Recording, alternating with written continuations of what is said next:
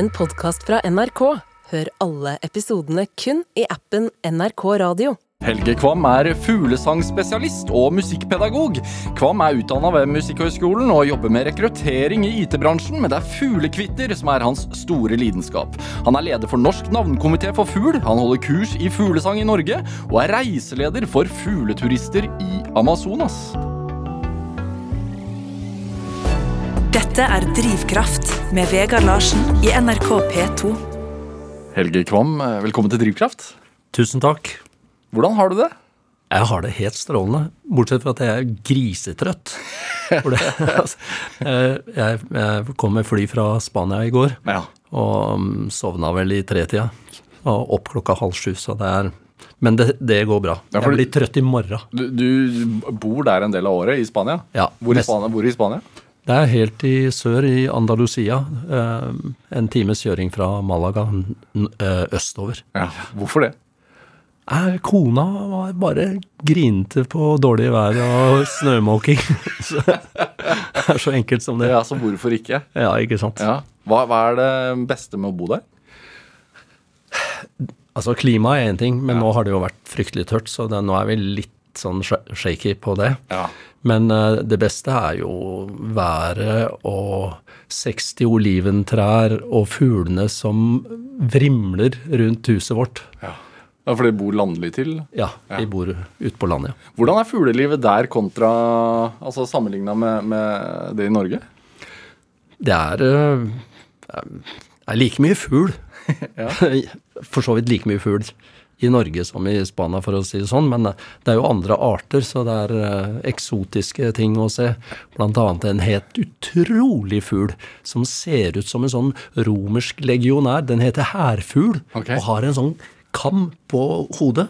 Og så er den oransje og hvit og svart, så den ser ut som en sånn flagg når den flyr av gårde. Vanlig? Ja, faktisk. Jeg har satt opp noen kasser og håpet at den skulle hekke i år, men eh, eh, middelhavsstæren har overtatt, og den er aggressiv, så den har foreløpig ikke fått plass. Ja. Hvor, hvor ofte er du ute og kikker? Hele tiden. Jeg drar ikke så veldig mange steder uten kikkert, eller det aller viktigste, det er opptaksutstyret mitt. Så en parabolskjerm, så jeg ser jo litt eh, Altså, jeg er klar for innleggelse, for å si det sånn. Men, men- og, så, sånn, er det sånn at du kan sitte bare i, i vinduet og kikke ut på, på, på litt sånn leting etter at Kommer det noen fugl i dag? I hagen? Eh, Det er enda bedre enn det, skjønner du, fordi vi har en, en svær takterrasse, og den funker som et sånn slags fugletårn. Så vi har full utsikt 360 grader, ikke sant, så det er bare helt drømmen. Ja. Hvorfor er det så fint? Det er noe med alle variasjonene i fuglesangen som ligger veldig nær opp til, til musikk, komposisjon, Ja.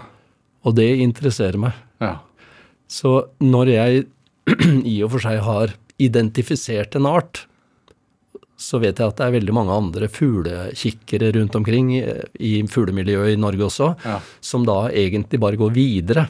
Fordi da check, Ja, da veit de hva, den, det ja. ja. ferdig med den. Ja.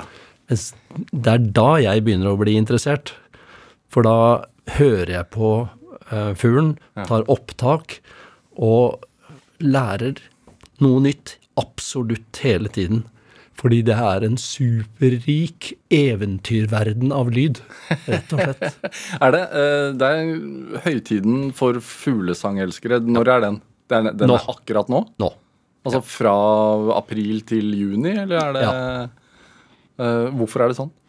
Nei, de Jeg kan si at det er en sånn slags måte å, å, å eh, gjøre kjedelig noe som egentlig er veldig, veldig vakkert og fantastisk, men det er territoriemarkering. Ja. En bokfink flyr fra topp til topp, eh, grantopp til grantopp, og synger sin sang for å inngjerde sitt område. Men han er ikke glad? Eh, Jeg tror den er glad også, men det er en, en kombi glad og aggressiv og, og forplantningsdrift og mye greier. Ja. Ja, Sånn som livet er. Hæ. Er det Hvorfor avtar den i, i midten av juni? da? Da Altså, den synger i etableringen. Ja. Og, og da er det slik at uh, med en gang hunden ligger på reiret, så synger den så det ljomer. Ja. Mens med en gang ungene klekkes, ja. så er det frem og tilbake til Rema. Da, da er han så opptatt at da, da har han ikke så veldig mye tid til å synge. Nei. Og det vil si at da synger den mest veldig tidlig om morgenen når den ikke kan finne mat. Ja. Jeg, øh, jeg veit at ikke du har fått med dette, men, men, men jeg leste i dag morges en, en artikkel i Washington Post, øh, hvor de, en forskningsartikkel som, som kunne slå fast at øh, det å høre på fuglesang faktisk gjør deg øh, friskere til sinns.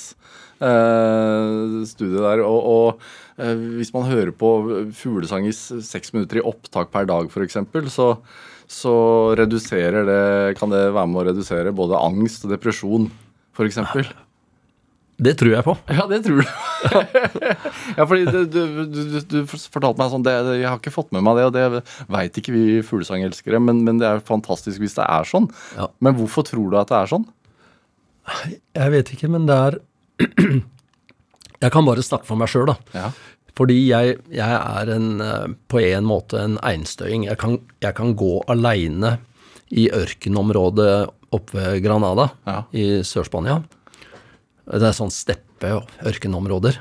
Og der kan jeg gå aleine i solsteiken og ta opptak av fugl. Og da, når jeg hører dverglerker og skjæregjøk og, og alpekråker og sånne greier, Ja. da er jeg helt i min egen boble. Da kobles hele jobb og absolutt alle mulige bekymringer. Det er helt ute. Og den, eh, den virker det, det blir akkurat som et sånt veldig kjærkomment friminutt når jeg har en sånn dag en gang imellom. Men er det noe med, med, med, med lyden de lager også? Så, du sa at det, er jo man, man kan koble det opp til musikk. Altså, du er jo utdanna på, på Musikkhøgskolen og er musikkpedagog. Altså, er det noe med det musikalske også? Ja, Så- absolutt. Som, som kan gjøre oss roligere på et vis? Ja, men jeg, jeg lurer på om det egentlig, egentlig går på estetikken, rett og slett. Det er noe med det at eh, når du hører disse fantastiske lydene, disse trillene, disse seriene med hamringer på én tone, og, og så sitter man der og undrer seg hvordan i huleste finner de på så mye rart? Ja. Det er et lille fugl, ikke sant? bare å, står med huet skrått opp, åpner nebbet, oss ut så flommer alt dette helt fantastiske. Ja. Det fascinerer meg noe kolossalt. Og, og de greier å synge, vet du, mens de puster. Fordi sangorganet, syrinx, er tilsluttet noen luftsekker, så det er frikoblet fra pustinga. Og det gjør at f.eks. en, en uh, gresshoppesanger kan synge sammenhengende i et halvt eh, eh, en halvtime. og, og du hører bare den svirrende eh, surring. Ja. Og det, den puster jo, mens den da ikke slipper tonen en, et eneste hundredels sekund engang. Ha. Kan være litt irriterende hvis man ikke får sove. Ah. Skal han ikke snart trekke pusten? Og så gjør han det hele tida.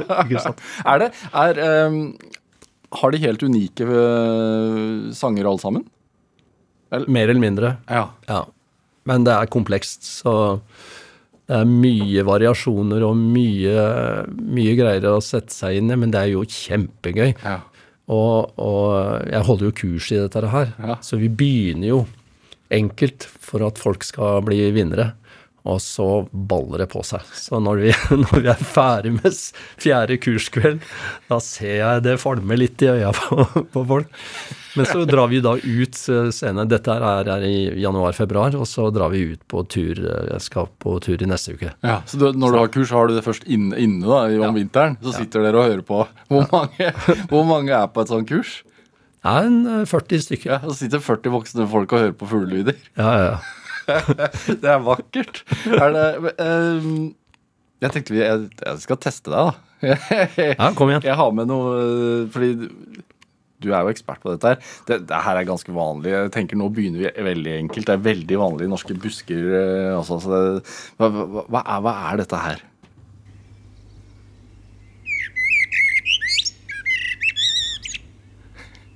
Skal jeg svare med en gang, eller? Skal høre litt først, da.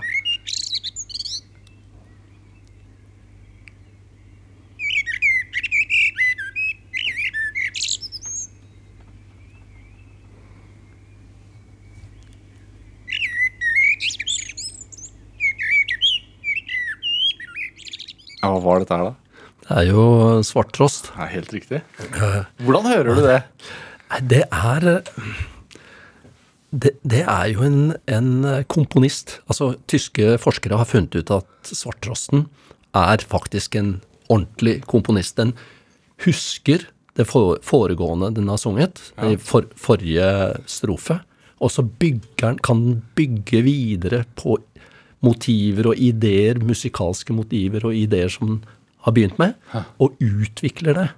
Det er helt fantastisk. Men kjennetegnet på svarttrost det er jo da de der langsomme, bedagelige, dype fløytetonene, gjerne med rulle-r. Mm. Liten snagg der. Og så har den gjerne, ikke alltid, men veldig gjerne så avslutter den strofene med noe sånn flisete kvitter, som vi kaller for trostekvitter, da. Ja. Hvordan, kan, kan du Kan du den lyden? Nei, det er forskjellig fra gang til gang. Og det er det som, det som gjør at svarttrosten er interessant. Da. Ja. Ingen strofer er like. F.eks. gulspurv og, og en haug med andre arter har jo akkurat det samme om og om og om igjen. Men svarttrosten er da en som varierer Ja. hele tiden. Så når, når vi ser en svarttrost og hører den synge, så skal vi tenke ja, det er faktisk en komponist. Ja. Hvor mange fuglesanger kan du? Det er Det blir jo fort fort noen tusen, da, for det jeg har jo Én ting er å kunne eh, 300-400 norske, Ja. eh, og så baller det på seg med europeiske, så det blir jo enda mer. Men så, så har jeg jobba veldig, veldig mye med, med fugler i, i Amazonas og Andes. Og jeg, så har jeg tatt opptak um, uh, i både Brasil, Peru, Ecuador, uh, Colombia og Costa Rica. Så ja, det blir mye. Er det noen du ikke har hørt? Absolutt. Masse. Jeg har ikke vært i Australia, f.eks. Så Tærer det? Hva? Tærer det på deg? Nei, nei det er bare, bare et sånt eh, brennende ønske om å en eller annen gang kunne komme til Australia. Altså. Ja. Er det, uh, det er det, altså Du er jo med, leder for uh, Norsk navnkomité for fugl. Er det uh, i, i forhold til fugler som har et uh, utenlandsnavn som, du, som dere lager til norsk? Ja, Ja. Uh, det vil si vi, eh, vi begynte dette arbeidet for mange tiår siden. Ja. Uh, og jeg har vært med i jeg husker ikke, 25 eller et eller annet sånt. Men, men vi sitter da fem voksne mennesker rundt bordet. En hel weekend gjerne. Eller i hvert fall en hel lørdag. Og så finner vi på nye norske navn på alle verdens 11 000 fuglearter. Det har vært jobben. Og den er for så vidt ferdig, er vi ferdig med. Eh, men det kommer nye ting, nye oppdagelser. En art finner ut det er egentlig to. Da må vi gjøre noe på navnefronten. Noen arter skifter slekt. Da må vi gjøre noe med navn på det. Så det er en sånn never-ending story. Vi kommer til å holde på å lage 100-200-300 navn i året i uoverskuelig fremtid, egentlig. Ja, for det er såpass mange. Ja. Er det det, det jeg liker godt med fuglenavn, eh, i hvert fall med norske fugler, er at de er så selvsagte. Sånn som f.eks. svarttrosten, som vi hørte nå. Det er en trost, og så er den svart. Ikke sant? Ja. Og, og, hvorfor, hvorfor, hvorfor er det blitt sånn? Nei, at du kan tenke deg Hvis det er mange tusen du skal holde styr på, Ja. så er det veldig viktig at navnet faktisk sier noe ordentlig om fuglen. Ja. Ringdue, f.eks. Ja. Den eh, Det er sånne navn som vi ikke har funnet på, da. Som, som har kommet rekende på en fjøl. Ja. Så, men, eh, Det, den har en eh, liten hvit flekk på siden av halsen, og så har den hvitt, hvit, hvitt bånd over vingen. Ja. Det er kanskje det som eh, s- sier et eller annet om ring, eller at ja. ja. Hvilket navn er du mest fornøyd med å ha funnet på? Eh, orgelsmett. Arieshama. Uh, de henger høyt. Ja, hvorfor, hvorfor det? Nei, fordi jeg er jo opptatt av lyd, ikke sant? Ja. Og uh, Musician Ren, som finnes i hjertet av Amazonas, den uh, har en helt overjordisk vakker sang. Det er, det, du tror nesten ikke at det er mulig. Er det orgelsmetten? det er orgelsmetten, og den har sånne rene orgeltoner. Ja. Eh, så den er, akkurat den er jeg fornøyd med. Ja, du- jeg vet at du, altså, du har sendt meg på forhånd uh, lyden av en orgelsmett. Mm. Uh, jeg har ikke hørt på den før nå, men, men eh, nå har du jo gitt den høyde, da, så nå får vi høre. Dette, dette er da ifølge deg en av de vakreste fuglesangene? Ja, min desiderte favoritt. Ja, la oss høre.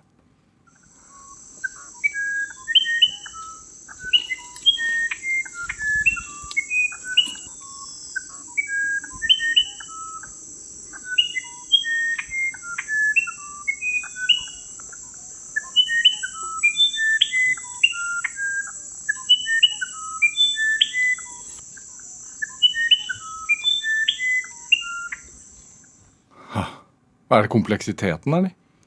Ja, men hør på de der nydelige, rene tonene. Ja. Det, det er sånn, sånn litt sånn tolvtonemusikk, Ja. holdt jeg på å si. ja. Eller, Og så høres det ut som et gammelt sånn eh, eh, sveiveorgel. ja. Er det der, der navnet kommer fra også, på norsk? ja, kanskje det. Eh, Fugleinteressen, Helge Kvam. Mm. Altså, vi er jo omgitt av fugl, heldigvis. Mm. Eh, For de fleste av oss så er det jo det bare noe som er der som en selvfølge. Men hvor starta den for deg?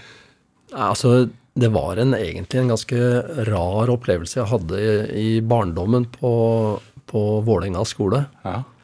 Jeg, jeg syns det var kjempegøy å vokse opp der. Vi lekte i Loelva.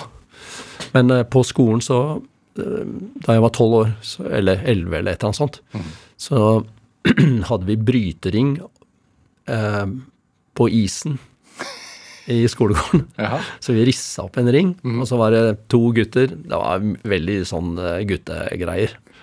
Skulle vi inn der, og så skulle vi lempe den andre ut av ringen. Ja. Den som fikk til det, hadde vunnet, ikke sant? ja, ja. Klart det var gøy. Ja, ja, ja. Og jeg var litt sånn tidlig utvikla for alderen antagelig, så jeg, så jeg skulle da bryte mot eh, den sterkeste gutten i, på skolen, en sjuendeklassing. Hvor, hvor gammel var du? jeg, jeg gikk i fjerde. Ja. Eh, Eller kanskje femte, jeg husker ikke. Ja. Ja, noe rundt der. Men i hvert fall, han tok og snudde meg opp ned eh, med huet først i isen. Og jeg fikk hjernerystelse, og jeg fikk ikke lov til å lese bøker på tre uker. Jeg måtte ligge rett ut. Så det var en ganske kraftig hjernerystelse.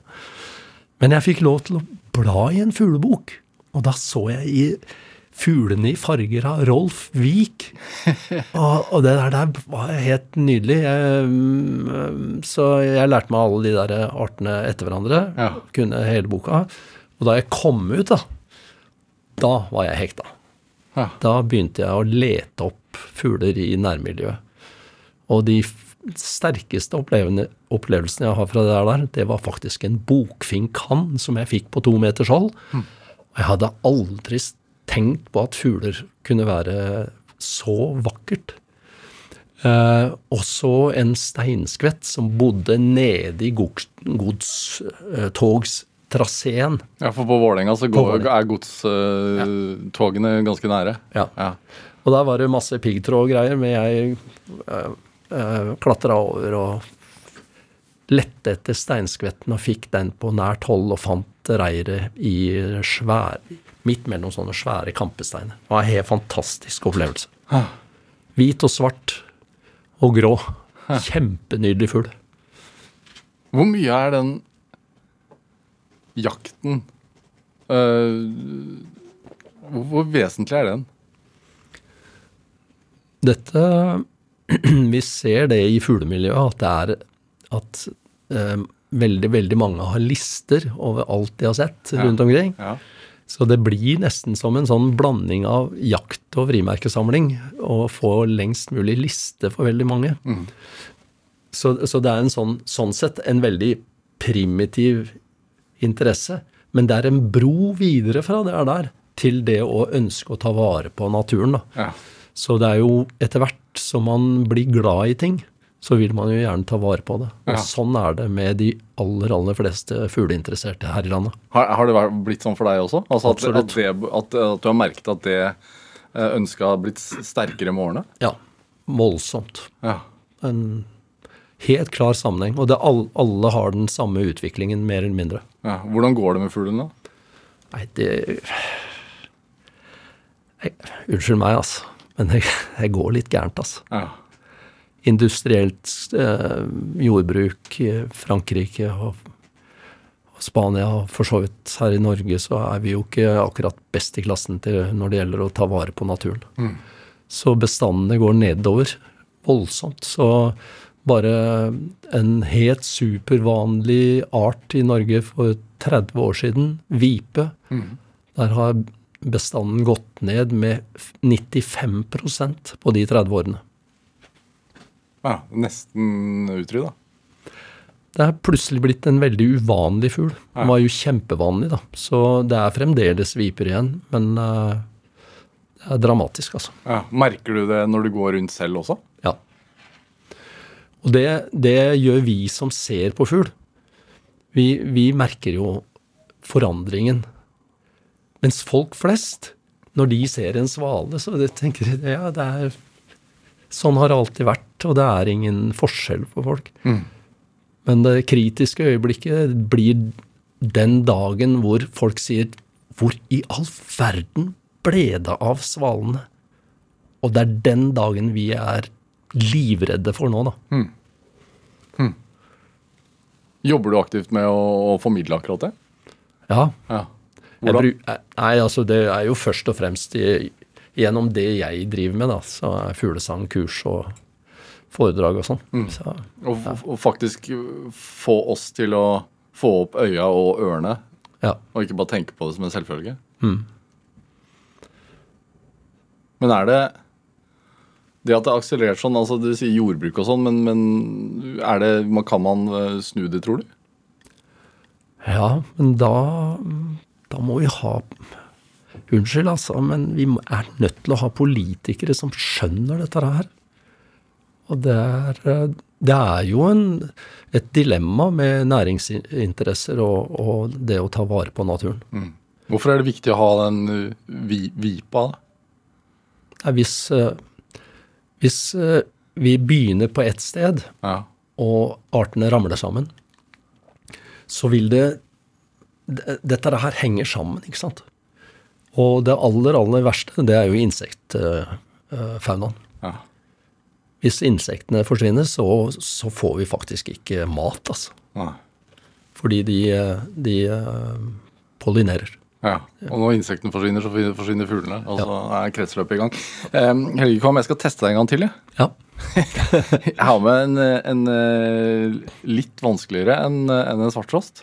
Er, er- er du klar? Jepp. Er litt lengre klipp her. Ok. Lykke til.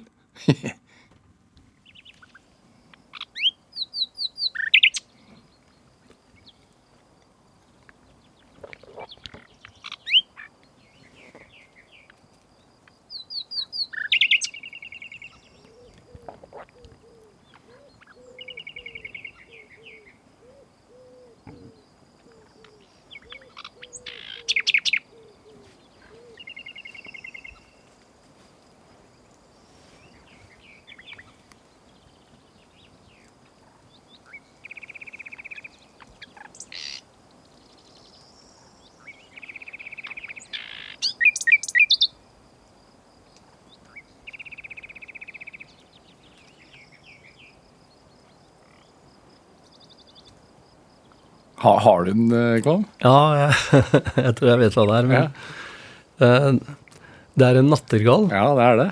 eh, men det er ikke den norske. Nei. Det er en Ja, det er helt riktig. og, og det som er litt Veldig imponerende.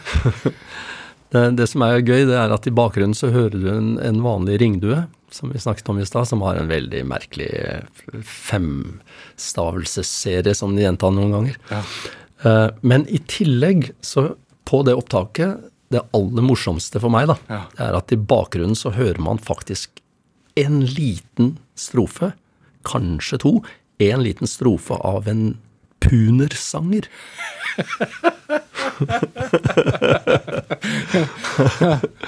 Men men den, Den, den fins ikke i Norge. denne sørnattergallen, hva, hva, hva er spesielt med den? Nei, det er, eh, det er en, en fugl som uh, synger så det ljomer om natta. Ja. Uh, og den uh, Veldig ofte så er det off-knapp sånn i, når det lysner. Men hvis det er veldig mange sørnattergaler på hanner, mange territorier, tett, som det er hos oss da, nede i Spania, der har vi en sånn bekkedal med, som er helt bugner av sånne rosa oleanderbusker. Ikke bare busker, de blir jo trær. da, så De er fire-fem meter høye. Og det er altså helt ugjennomtrengelig, men det er veldig, veldig vakkert. Og i den derre oleanderskogen, Ja. der holder nattergalene til, eller sørnattergallene. Og de synger absolutt hele formiddagen, fordi det er så mange, så de er nødt til å kjempe om territoriet hele tiden. ja. Så det De kjekler. Ja. Og det å stå midt imellom tre syngende sørnattergal nede i bånn der, Ja. ved bekken, det er helt vanvittig opplevelse, altså. Er det, altså jeg har uh, hageflekk. Der er det skjærer som har slått seg ned. Det er en skjærefamilie som har sitt uh, revir der. De lar ikke noen andre fugler komme på besøk, holdt jeg på å si. Men skal jeg sette pris på det òg? Selvsagt. S- ha- te- ø, Tenk deg hvis skjæra hadde vært kjempesjelden. Ja. Tenk deg for en eksotisk opplevelse å se en skjære. Ja. Det er bare fordi vi ser den hele tiden at det liksom ikke blir noe interessant etter hvert. Men selve fuglen er jo guddommelig vakker, altså med den der lange halen og sort og hvit. Og så er det der metallic, både grønn og purpur metallic på, ikke sant. Ja, ja. Det er jo superfugl. Helge Kvam, vi skal spille noe eh, annen musikk også. Eh, du har med en, en låt av eh, Nusrat Fatih Ali Khan. Hva er dette her for noe? Dette er pakistansk eh, popmusikk. Ja. Hvorfor har du med det? Hva skal jeg si? Jeg, jeg syns at nå når vi er åtte milliarder mennesker på kloden, så er det veldig viktig å være litt venner, altså. Og åpne opp litt. Ja. Og det å åpne opp for andre kulturer enn den supernorske, som vi er veldig glad i, og som vi fortsatt skal være glad i, så er det å bygge litt broer mellom kulturer betyr noe for meg. Og, og den pakistanske mm, popmusikk eh, Eller akkurat denne låta her er jo helt fantastisk, med en fyr som synger så det smeller i veggen, ikke sant? Og det dundrer av gårde. Så vi kan Ja, Skal vi høre? ja gjør det.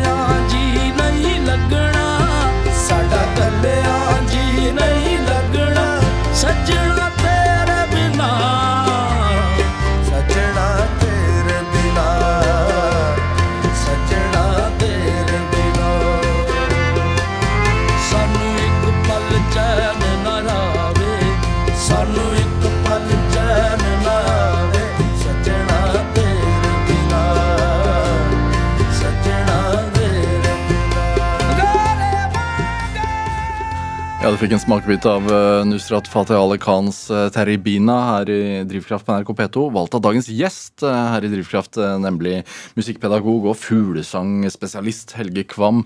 Eh, vekker det noen minner? Ja, absolutt. Ja. Um, jeg, jeg har jo en veldig veldig fin barndom som jeg er veldig glad for. Ja. Jeg vokste opp i India til jeg var sju år. Ja. For, altså fra du ble født til, til du var sju?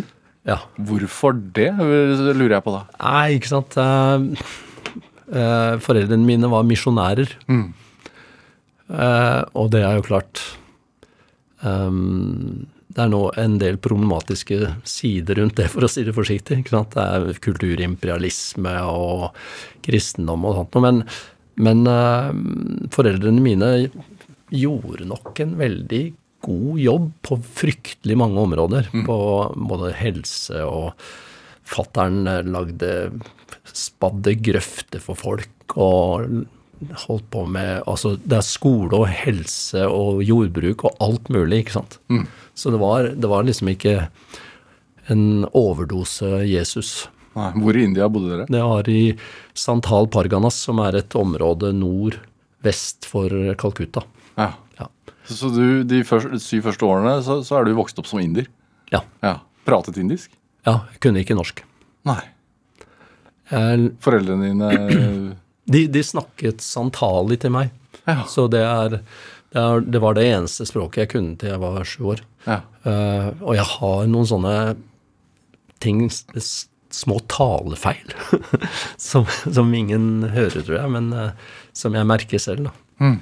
Noen eh, konsonanter og sånt som er litt influert av, av akkurat det. Hvorfor valgte de å prate santali til deg og ikke norsk, tror du? Nei, det var eh, De var så inne i det, det miljøet, da. Så det var det, det som var naturlig, rett og slett. Hvor lenge hadde de bodd der før du kom til verden? da?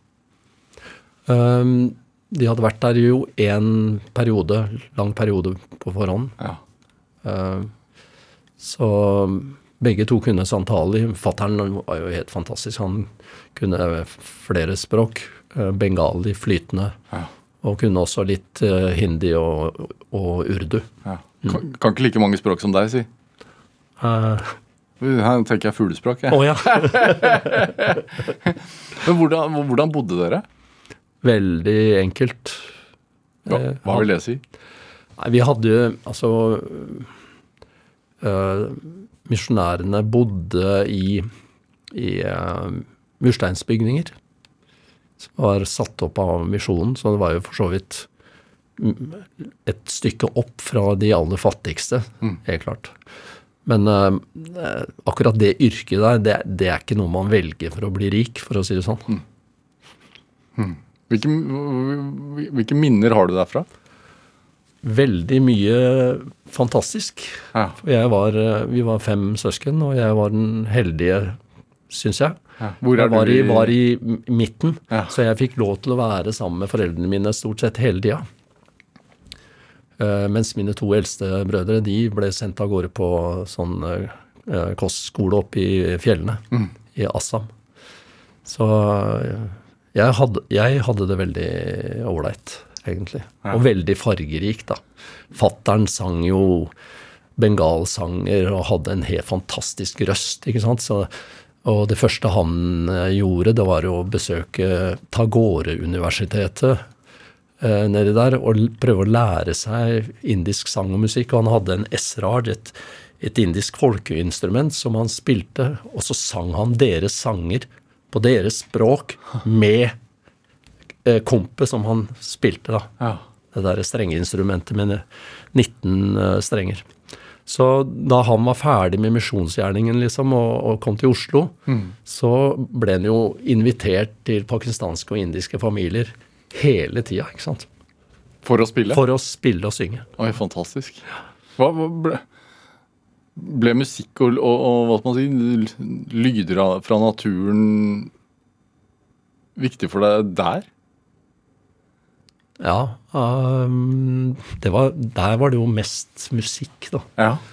Så jeg gikk jo, jeg gikk jo i varmen der i 42-45 grader Og var radmager. Jeg spiste jo ikke, jeg greide ikke å spise når det var så varmt. Nei. Men det var men jeg hadde det helt strålende, så jeg gikk rundt og sang hindisanger, så tårene rant, husker jeg. Og det var ikke fordi jeg var trist, egentlig, men det var bare at de her sangene hadde altså så taket på meg, og jeg hadde jo fått inn dette her med fattern, Ja. som var en gærning som sang i vei, ikke sant. så, så det var veldig, veldig gøy, altså. Hvordan var det å komme til Norge som syvåring, da? Jeg, jeg var øhm, Jeg tror jeg tilpasset meg på rekordtid, rett og slett. Hva er det, hemmeligheten for å gjøre det? Nei, det vet jeg ikke. Jeg har ikke peiling. Nei. Hvor lang tid tok det før du lærte norsk, da? Det tok en måned. Ha.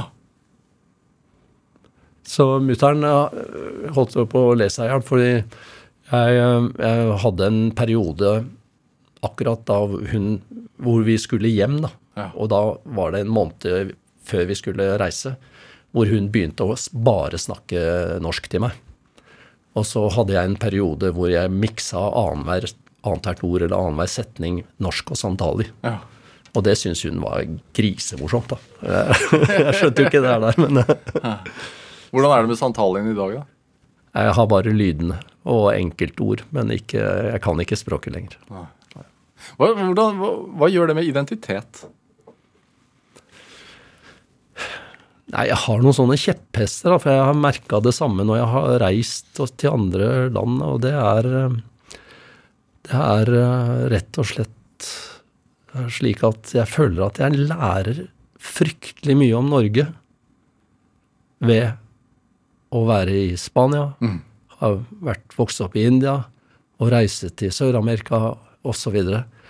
Da skjønner man veldig mye mer av den norske kulturen. Hva, hva lærer man? Man lærer eh, at vi har det innmari godt, altså kjempegodt, men også at vi er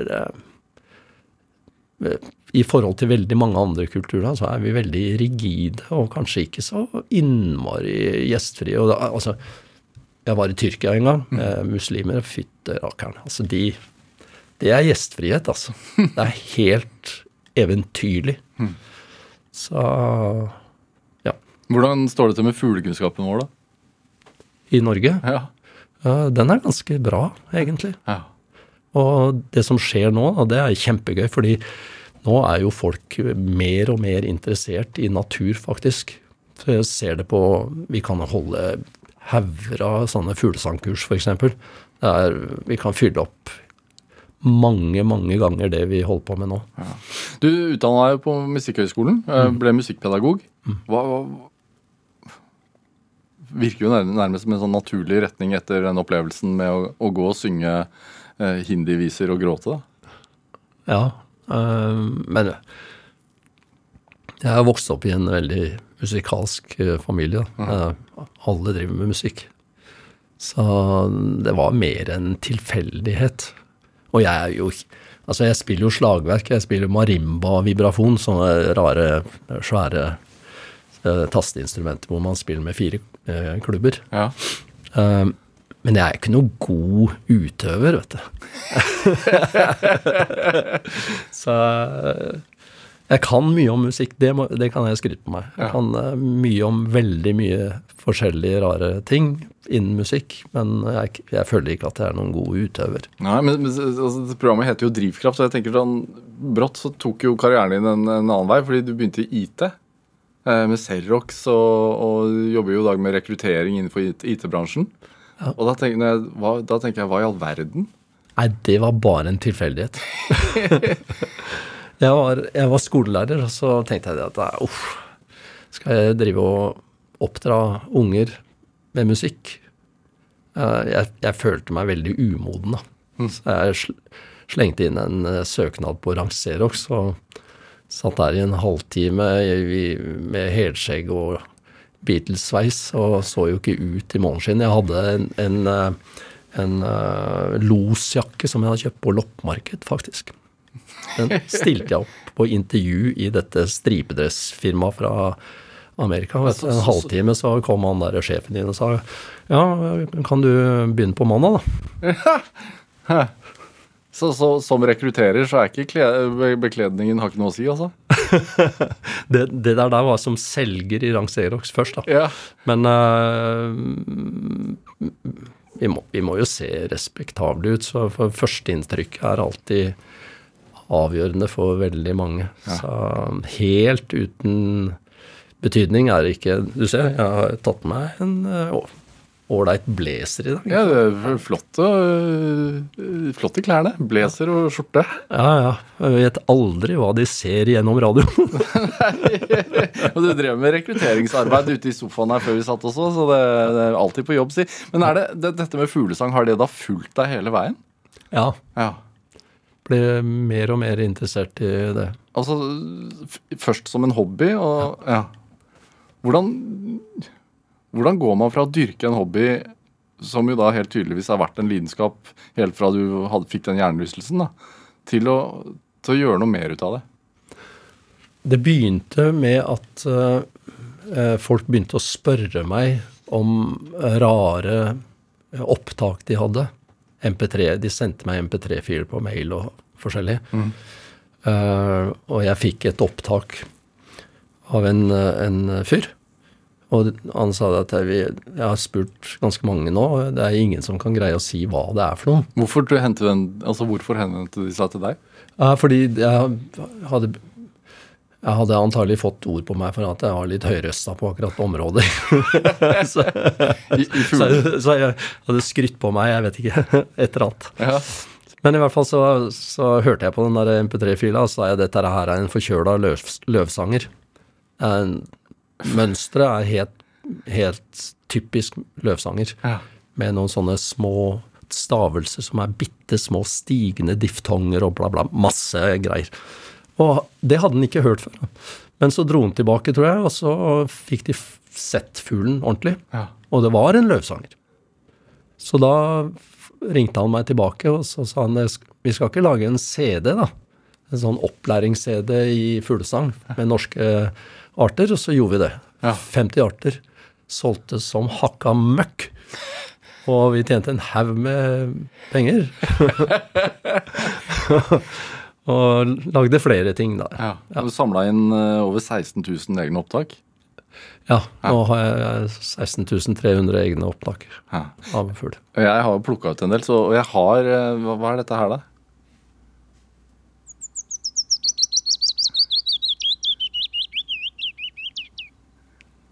Nydelige løvsanger. Ja. jeg dro den frem jeg, når du nevnte det. Jeg er ikke forkjøla den. Nei, den er ikke forkjøla i det hele tatt. Det er, eh, Hvordan hører man at en fugl er forkjøla? nei, altså det, det er avvik, da. Det er en er veldig sjelden at man hører uh, fugler som synger ordentlig annerledes enn eh, resten av artsfrendene, for å si det sånn. Eh, men av og til så, så skjer det rare ting, og det er det som er spennende. da. Høre avvikende individer av forskjellig, eller plutselig Jeg husker en gang jeg var på hytta på Ringebufjellet, ved 1000 meters høyde, ikke sant. Og, og der fins jo ikke svarttrost. Eh, det er mye andre ja, Det fins rødvingetross en gang imellom, og så er det rødstjerter og eh, fjellfugler. Ja. Eh, og så plutselig så hørte jeg en svarttrost, og jeg frøys på ryggen og tenkte i all verden, hvordan har den greid å rote seg opp i 1000 meters høyde helt i bjørkegrensen? Ja. Og så gikk jeg nærmere, og der satt det en rødstjert i toppen av en unggran og sang helt som en svarttrost. Ingen forskjell. Helt perfekt imitasjon. Det var umulig å høre forskjell. Ja. Og, et, og, og etter eh, fire-fem minutter, bam, så switcha han over, og så sang han helt vanlig rødstjert. I all verden, hvorfor det, tror du? Har ikke peiling. Men det, det bare viser hvor mye rart det er der ute. Ja. Og dette er jo da altså 1 som kan finne på sånne ting, kanskje, av rødstjerter. Ja. ja. Er det det- Dette fuglemiljøet Hva gir det deg? det er eh, kjempeviktig. Ja, for den derre gleden over å kunne dele noe med folk Ja. som har samme interesse, og som skjønner hva det dreier seg om, det er helt fantastisk. Så nå er vi fire gutter som skal til Costa Rica i nest, til neste år, ikke sant. Og det er, da er det 17 dager hvor det bare går i fugl. Hva gjør dere på en sånn guttetur?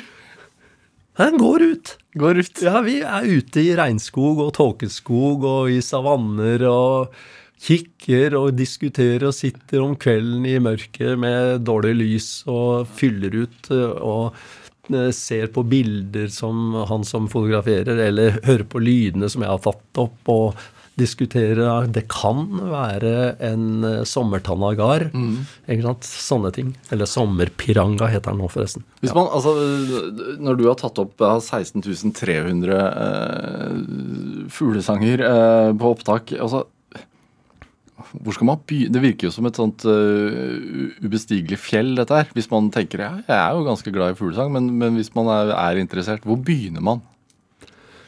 det, for mitt vedkommende så begynte det med den der CD-produksjonen. Ja. For da måtte vi ta opptak av norske arter. Ja, men Hvis man vil lære seg litt Hvis man vil lære seg, så fins det apper og, og CD-er. Nå er CD-er litt ut, da. Men apper og nettsider og CD-er. Eh, og det som er viktig, ja. det er at den, hvis du er helt grønn, helt nybegynner, så er det beste habitatet, det beste terrenget å lære seg fuglesang, er sofaen hjemme. Fordi der er, har du isolert en og en art. Ja. Du kan se bilde av den, du hører, trykker og hører sangen. Mens hvis du kommer rett ut i fuglekoret nå, og ikke kan en dritt, ja. da blir det jo Det er kakafoni, ikke sant. Det er, Ja. du, I 80% av tilfellene så ser du ikke fuglen som synger. Nei, det er det. Og da veit man jo ikke hva det er. Nei, og da, da vil du bruke veldig mye tid på å lære. Men hvis du begynner i sofaen hjemme, så har du en brattere læringskurve. Men selvsagt, du må jo ut på et eller annet tidspunkt, for du må jo in real life, altså. Ellers så, ellers så går det ikke. Ja. Disse guida turene dine i Amazonas, er det også med fugleentusiaster? Ja. Ja. Som da reiser til andre sida av kloden for å kikke ja. og høre. Og da er det er det samme. Det er altså to-tre uker intensivt opp tidlig om morgenen, veldig tidlig. Ja. Eh, noen ganger, eh, nå sist i fjor, så var det opp i tretida, ikke sant. Hvorfor, hvorfor, er det, hvorfor må man opp så tidlig? er fordi den beste sangen, den er eh, i eh, overgangen fra stummende mørke til dagslys. Ja. Og sånn i nitida, når varmen setter inn, så er det off-knapp i disse områdene. Veldig ofte så slutter fuglene fullstendig å synge. Ja. Så, så midt på dagen så er det jo egentlig tid for å ta seg en strekk, altså. Ja. Du, du, eh, sendte meg et annet opptak òg, som, som jeg skal spille her. En, en pirol. Hva er det for en fugl? Det er altså en skjønnhetsopplevelse som bare slenger deg rett i veggen. Men det er, Det er en helt gul fugl. Ja. Den er trostestor. Eh, den er gul med svarte vinger og noe bandittmaske og noe greier. Men, men eh, hannen er altså sjokkerende vakker. Gul. Eh, og den eh, er sjelden i Norge. Den kommer årvis til landet. Eh, en av de beste stedene å se pirol, det er i slutten av mai akkurat nå, på Jomfruland. For der hender det ganske jevnlig at det kommer piroler. Og hvordan synger den? Den har en dyp fløyte Dolio. Pirol. Eller på latin oriolus. Oriolus. Oriolo. Oriolo. Det er Og med masse variasjoner. Eh, Så det er en av favorittene når det gjelder eh, vakker fuglesang. Skal vi høre? Ja.